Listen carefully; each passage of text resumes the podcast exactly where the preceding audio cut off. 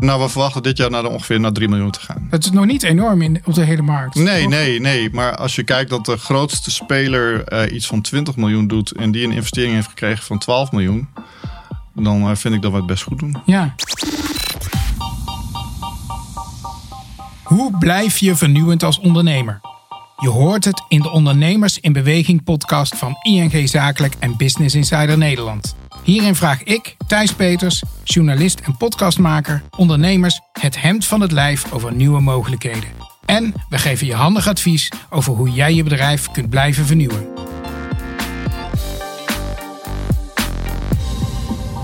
Zelfs nadat zijn vorige onderneming moest stoppen, wist Anne de Vries één ding zeker. Ik ga niet in loondienst, ik blijf ondernemen. Als fervent zeiler startte hij zeilboothuren.nl, dat inmiddels onder de nieuwe naam Tubber is uitgegroeid tot het Airbnb van zeilliefhebbers. Met maar liefst 7 man personeel en 3 miljoen omzet. Welkom eh, Anne de Vries van Tubber, oprichter. En eh, in de studio ook Flip Tonkens, platform-expert bij ING. Wat, wat doet een platform-expert als hij ochtends opstaat? ING heeft ambitie om een platformbedrijf te worden. En wij hebben bij ING een platform live gezet op kredieten. Dus als je bij ING een krediet aanvraagt, krijg je niet alleen uitsluitsel over kredieten van ING, maar nu ook over twintig andere partijen. Oké, maar je weet veel van platforms, maar misschien kun je ook nog wat, wat van Anne leren vandaag. Ik hoop het. Ja, Anne, dit is niet jouw eerste bedrijf, hè? Eh, nee, nee. Ik heb al wat bedrijfjes versleten, soms zeggen. Ja. Dus eh, ja, de een ging goed en de ander niet. Dus, Ja. eh, maar ik, eh, ja, ik voel me ondernemer. En in, ja, ik denk ook niet dat ik meer in het, eh, onder het gezag van iemand anders eh, goed zal functioneren. Dus eh, dit geeft mij de vrijheid en de, de blijheid. En ik, word, ik krijg de energie van elke dag. Wanneer dacht je, dit ga ik doen? Zeilbootjes verhuren of boten? Twaalf jaar geleden eigenlijk al. Was een beetje een noodzaak ook. Ik had een ander bedrijf met een uh, Gronings ondernemer gestart. En dat was uh, nou ja, te zielen. We gingen niet failliet, maar we hebben de stekker uitgetrokken. En toen dacht ik eigenlijk van ja, wat vind ik eigenlijk leuk? En dat is zeilen. En kan ik daar geld mee verdienen? En misschien ook nog gratis vakantie elk jaar houden. Dus uh, en ik, had, ik moest eigenlijk financieel gezien mijn eigen boot verkopen. Want die verhuurde ik altijd. En daaruit is dit uh, bedrijf ontstaan. Ja. Dus ik kan nu elk jaar uh, ja, drie, vier weken gratis op vakantie. Ja, want je hebt een enorme keuze aan boten. Hè? Hoeveel boten staan er op jouw platform? nou, we, ik weet niet wat exact, maar er, we zitten boven de 12.000 uh, real-time jachten die real-time beschikbaar zijn. Ja, en we kunnen van 70 euro tot 90.000 euro per, per week. week. Ja, ja. ja. Ja, de meeste mensen geven, gaan uh, gewoon 3000 euro ongeveer per week geven ze uit. Aan, en dat is met name voor vakantie in de Middellandse Zee. Dus uh, nou ja, Kroatië als meest populaire bestemming. Uh, en dan Griekenland. Ja. Ja. Maar even, even terug naar 12 jaar geleden. Ik, toen was het nog heel lokaal, denk ik, in, in Groningen. Ja, eigenlijk. Uh, ik woonde zelfs nog in Dokkum.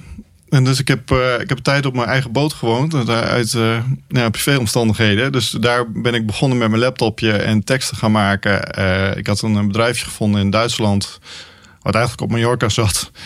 maar een postbusbedrijf in, in, München. En die hebben mijn eerste website gebouwd. En toen heb ik allemaal tekstjes gemaakt. Um, AdWords aangezet. En warempel, na een dag was er al een boeking van een Belg. Die had voor paar duizend euro had hij een boot geboekt. En hij had ook wel een mailtje gestuurd van uh, dat hij al betaald had. Ik denk, nou, lekker. Ja. Dus, uh, maar de, de, volgende boeking duurde drie maanden later. Okay. dus, maar in tussentijd ben ik wel zelf ook een boot gaan boeken op het platform. En ben ik zelf op vakantie gegaan. Airbnb, was dat, was dat nog niet eens? Ja, er was er wel denk ik al hoor, maar niet zo bekend in Nederland Ja. of wat dan ook. Nee, ja. Die heb je nog steeds wel kleine spelers in Nederland die ook uh, boten vuren of uh, echt van die typische zeilvakanties doen voor gezinnen. Uh, maar die waren nog, ja, die waren nauwelijks op AdWords aanwezig. Die leefden gewoon van, uh, nou ja, mond op mond en wat SEO uh, traffic wat ze dan kregen. Dus ja, die vonden mij niet heel aardig op dat moment. Nee. nee. Wanneer was het moment dat je dacht, hey, ik kan het platform worden in deze markt? Nou, het was ook eigenlijk uit noodzaak, want we groeiden elk jaar door. En ik moest echt iedere keer nieuwe mensen aannemen. Want als je een boot boekt, komt er nog wel wat bij kijken. Dus hè, je, je gaat door een soort, uh, je gaat zoeken, je gaat een keuze maken, wanneer, datum en dat soort dingen. Maar als iemand al geboekt heeft, dan uh, komen nog allemaal dingen. Kopie paspoort, kopie vaarbewijs. We moeten een crewlist aanleveren. Uh, moet checken of de boodschappen er zijn, of dat soort dingen. Dus er komt heel veel rompslomp omheen, uh, wat, wat gasten bij ons eigenlijk niet merken. Uh, maar dat was niet schaalbaar. Dus we hebben gekeken van nou, hoe doet Airbnb dat? Want daar boek je een huisje. En krijg je volgens allemaal automatische e-mails van uh, dan moet je er zijn, daar zijn je sleutels, dit soort dingen. Uh, idee, betaling. Nou, dat, dat hebben we eigenlijk allemaal afgekeken. Dus we hebben gezegd van nou, we maken eigenlijk een start-up binnen ons huidige bedrijf. Zodat we zelf schaalbaar worden. En nou, daar is Turbo uit ontstaan. Ja, dat andere bedrijf heet dus hè? Ja, zeljachturen.nl. De domeinnaam bestaat nog steeds. En die levert ook nog steeds heel veel traffic op en heel veel inkomsten voor ons. Dus, maar Turbo is eigenlijk de techniek achter het hele bedrijf. En, en hoe werkt die markt? Want uh, Airbnb kennen we. Hè? Je hebt vast ook wel wat uh, bij Airbnb gehuurd, Flip, ooit. Ja, zeker. Ja, precies. En dan, dan, mag je de sleutel ergens komen ophalen. En oké, in een huis wonen, daar heb je geen vergunning voor nodig. Heb je, hoef je ook niet zoveel voor te kunnen. Maar een, een, een, een zeilen of een grote motorjacht over de Middellandse Zee varen, daar komt meer bij kijken. Hoe, hoe werkt die markt? Ja, die markt werkt zo dat er heel veel professionele verhuurders zijn die uh, beschikken over een vloot. Uh, in die vloot zitten boten van particulieren. En die, dat kan zijn dat iemand gewoon zijn boot wil verhuren, maar meestal zijn het mensen die wat extra geld over hebben. En die investeren dan in een boot en van de huurinkomsten hebben ze dan een rendement. Nou, rendement zal tussen de 6 en 8 procent zijn. Dus dat is, nou, met name in deze situatie is dat veel hoger dan op de, de rente die je op de bank krijgt. Dus die markt is nu ook echt enorm aan het groeien. Uh, en als mensen dan aankomen, dan is dat gewoon een professionele persoon. Die doet met jou de check-in. Die doet het onderhoud van de boot. Die zorgt ervoor dat de boot schoon is. En als de boot helemaal stuk is, zorgt hij ervoor dat er een vervangende boot is. Ja, en dat deden ze vroeger via een reisorganisatie en nu uh, gaat het via jouw platform. De markt is nu nog steeds heel versplinterd. Je hebt duizenden mensen die dit vanaf hun zolderkamertje doen in Europa. Uh, maar langzamerhand zijn er nu allemaal partijen die dat professioneel oppakken, waar wij een van zijn. Ja, en hoe zorg je ervoor dat mensen bij jou terechtkomen? Vooral dus die, die verhuurders? Nou, die verhuurders die heb ik allemaal persoonlijk bezocht. Dus ik ben uh, al tien jaar lang door Europa reizen. Morgen vlieg ik ook weer naar Wenen. En dan ontmoet ik weer iets van 150 eh, bedrijven in vier dagen. Maar ik ben langzamerhand al die bedrijven gaan bezoeken. En om te kijken van, hé, hey, als we ergens klachten kregen van, nou, hoe kan dat dan? Want als je dan twee keer een klacht van een bedrijf krijgt met vergelijkbaar iets dan gaat er wel iets mis. Dus dan gaan die, dat bedrijf gaat dan bij ons op een zwarte lijst. En ik ga daar uh, langs. En als ze het gefixt hebben, uh, dan, mogen ze, dan krijgen ze weer gasten van ons. En uh, fixen ze het niet, krijgen ze nooit weer gasten van ons. En daar hebben we een gradatie in van je zit in een black hole, maar je kan ook in de super black hole komen. Dus dan kom je nooit weer bij ons op de site. Maar je reputatie hangt er natuurlijk wel vanaf dat die tubbers een beetje vriendelijk zeilen.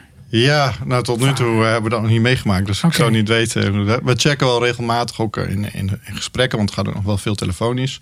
Van nou, hoeveel ervaring heb je dan? Eh, wat zou je doen als het windkracht 7 is? Uh, nou, als ze dan bepaalde antwoorden geven, dan weten we al van oké, die moet een schipper hebben, die moet geen schipper hebben.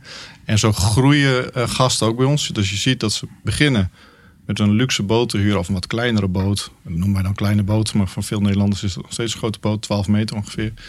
En dan zetten we een schippertje bij, bij, op. En die mensen leren dat dan. Die worden steeds actiever. Die gaan zelf, komen ze terug in Nederland, gaan ze zeilles nemen. En dan bellen ze van, uh, ja, dat is zo leuk. We nemen ook vrienden mee. Dus dan wordt de boot weer groter. Dus je ziet ook dat die klanten bij ons steeds meer geld uit gaan geven. Ook omdat ze blijer worden en avontuurlijker. En dan krijgen ze steeds meer capaciteit om goed van A naar B te varen. Ja, vergelijk maar met een huurauto. Ja, ja, mensen die een auto huren, die kunnen soms uh, vol het gas ingaan. En dan komen je allemaal boetes bij je binnen bij het verhuurbedrijf. Mm Maar de gast moet het uiteindelijk zelf betalen. Ja, ja. Hoe zorg je ervoor dat die uh, mensen dan niet rechtstreeks bij die grote vlootaanbieders uh, nou ja, dat kan. maar dan heb je, hè, wij zijn SGR-lid bijvoorbeeld. Wij regelen ook dat je borg verzekerd wordt, al dat soort dingen. dus dat, dat soort dingen, als je rechtstreeks hebt, dan, ja, dan gebeurt dat niet zo gauw. En als je 3000 euro uh, moet overmaken naar een Griekse verhuurder die zijn bankrekening in Cyprus heeft. Uh, ja, dan word je al een beetje twijfelachtig. Ja. En, en, en de mensen vinden jou gewoon op internet. Het is puur ja. SEO-driven. SEO, AdWords. Uh, en we af en toe doen we ook wat Facebook. Om ook wat nieuwe mensen te vinden, soms zeg met mooie foto's. Uh, heel veel mensen die liggen natuurlijk nu op het strand, bijvoorbeeld bij zo'n all-inclusive wat dan ook. En dan kijken ze in de verte en dan zien ze die mooie bootjes varen. En ik van ja, Waar, waar kan je dat huren? Of dat zal wel heel duur zijn. Ja. En dus dat, dat is ons grootste probleem. Het image uh, is dat mensen denken dat het niet betaalbaar is. Zeg. Maar een boothuur is niet veel uh, duurder dan een huisje op de Schelling huur. Nee? Nee. Waar hebben we het dan over? Ja, 3000 euro.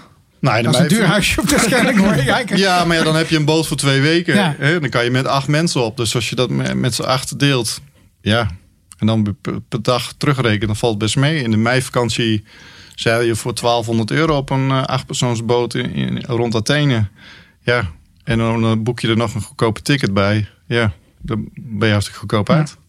Wat, wat zijn nou de afgelopen jaren, want je bent vrij hard gegroeid. Wat zijn nou de dingen waar je tegenaan liep?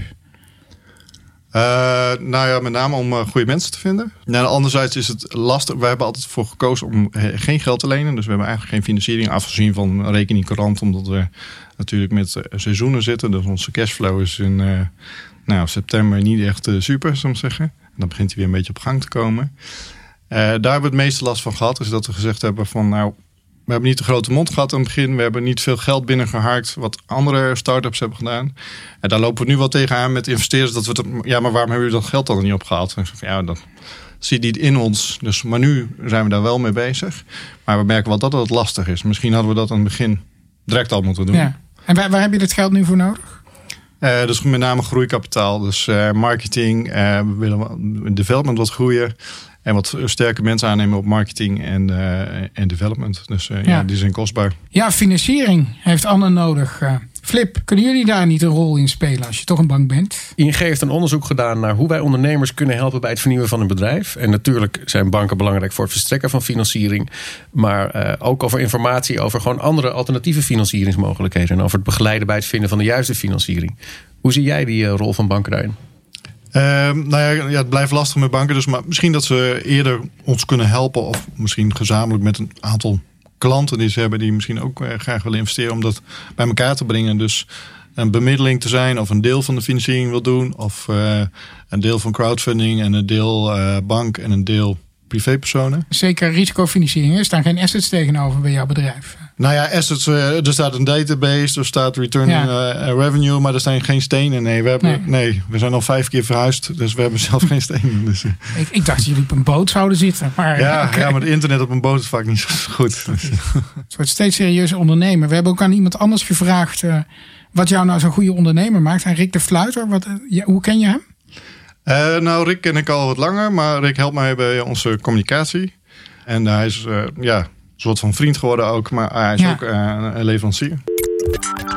Rick, ik heb een belangrijke vraag aan jou. Eigenlijk één vraag. Wat maakt Anne nu zo'n goede ondernemer? Ja, Anne, die ken ik nu een aantal jaren. En ik heb Anne leren kennen als een echte disruptor. Een, een persoon die anders naar markten kan kijken en vanuit die visie niet alleen die visie uitrolt, maar dat ook oppakt en daar een daadwerkelijke business case omheen maakt en dat tot een succes weet te brengen. Ja, volgens Rick ben je echt een, een uitdager, een disruptor.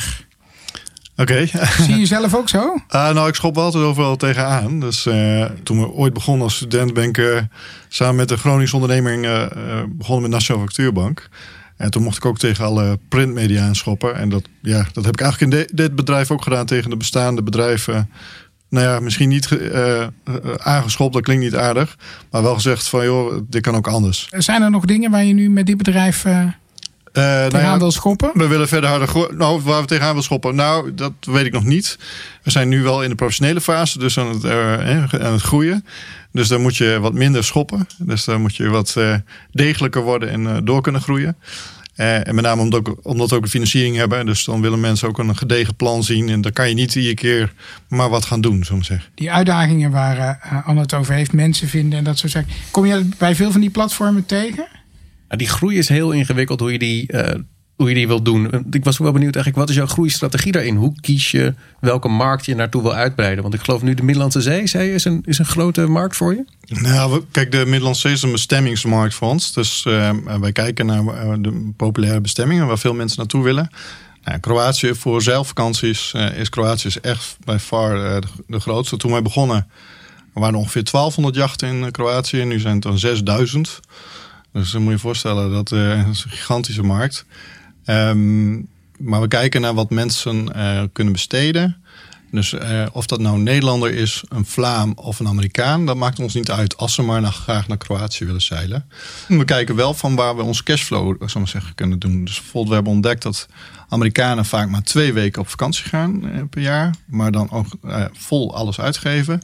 En dat ze dat in de periodes doen vanaf mei tot en met juni En vanaf september tot met, nou ja, aan begin november misschien. En dat is juist in de periodes waar wij nu nog gaten hebben. Dus ook gezegd van oké, als we nou die Amerikanen kunnen pakken. Ook nog de Amerikanen die wat meer te besteden hebben. Want die, dat is mooi, want dan heb je je advertentiegeld wat je uitgeeft wat sneller terug. En je kan voor de massa gaan, maar als je in AdWords moet adverteren in de VS voor het woordje yachtchart en dan betaal je 18 dollar per klik. Hm. Echt waar? Ja, ja. geen rekensommetje te maken, maar dan ben je heel snel door je budget heen. Dus we hebben daarvoor gekozen om te zeggen van nou we gaan toch op traditionele manier op beurzen eens kijken waar die high uh, spenders uh, zich uh, begeven. En dan die Amerikanen helemaal helpen. En dat, nou, ik ben net terug uit Amerika. We hadden eerste dag al iets van 50.000 euro omzet op een klein beursje waar misschien maar 30.000 mensen komen. Ja, maar uiteindelijk wil je een platform is schaalbaar. Hè? Dus, je hebt liever dat mensen via de website binnenkomen. Ja. Maar als je 18 dollar met uh, dollar per klik moet betalen, betekent dus ook dat de concurrentie ineens dat die groot is op jouw markt? Uh, nou, je concurrentie is redelijk. Maar er is ook veel onwetendheid van allemaal kleine bedrijfjes die zomaar wat doen op AdWords. Dus dat, dan gaat de prijs gewoon ook ver omhoog, zullen we zeggen. Ja. ja, ja. Maar daarmee sponsor je Google natuurlijk ook een. ja, de, de enige, maar dat is altijd zo in alle markten. Google is de grootste verdiener. En dat is in de hele reisbranche uh, eigenlijk zo, denk ik. Hoe kan jij ervoor zorgen dat je minder afhankelijk wordt van Google? Uh, nou, deels door SEO uh, te verbeteren natuurlijk.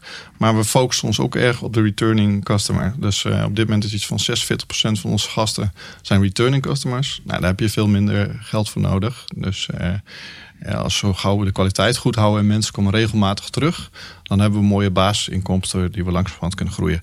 Niet iedereen boekt elk jaar een luxe zelfvakantie, maar we hebben mensen die echt wel drie keer per jaar boeken.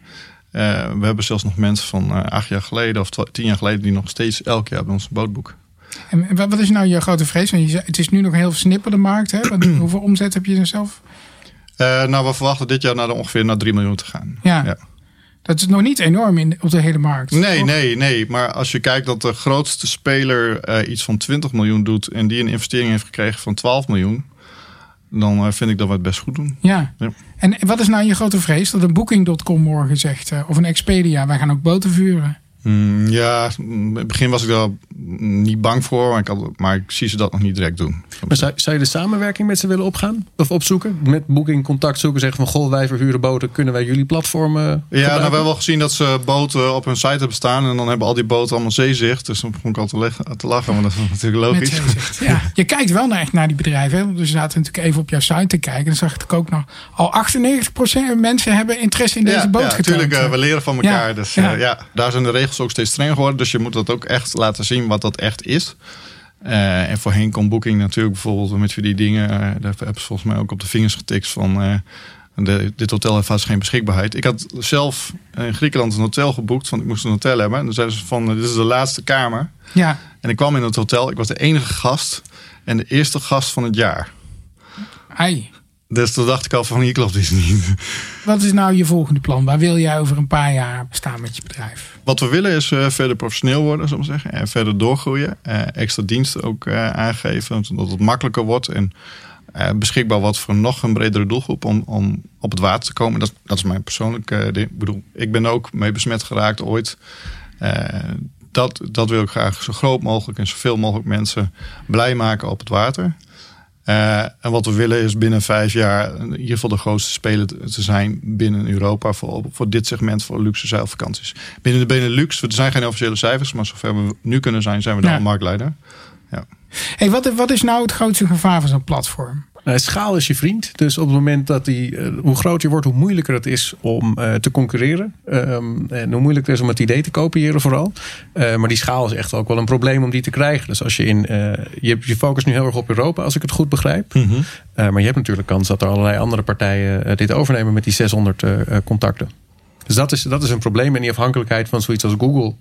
Um, waarin dus eigenlijk heel veel van je marge naar, de, naar het budget van Google gaat. Dat is, ook, uh, dat is ook problematisch. Hoe je dat kan doorbreken is heel ingewikkeld. Maar dat lijkt me wel heel belangrijk. Ja, ja. Nou, dat is een focus waar we zeggen van nou, blijf goede kwaliteit leveren. Blijf iedere keer op die return on customer zitten. Uh, zorg voor goede content. En ja, geef niet te veel uit een AdWords. Soms zeggen wel wat. Want AdWords is mooi voor nieuwe klanten. Maar bestaande klanten moet je eigenlijk niet via AdWords krijgen. Want dan uh, mensen klikken ook gewoon ja. vaak op je naam. Uh, je bent eigenlijk verplicht om bijna te adverteren, omdat anders iedereen op, je, op jouw naam gaat adverteren. Dus, uh, ja. Zijn er ook nog andere markten? Ik bedoel, Middellandse Zee is nu je, qua aanbod je kernmarkt.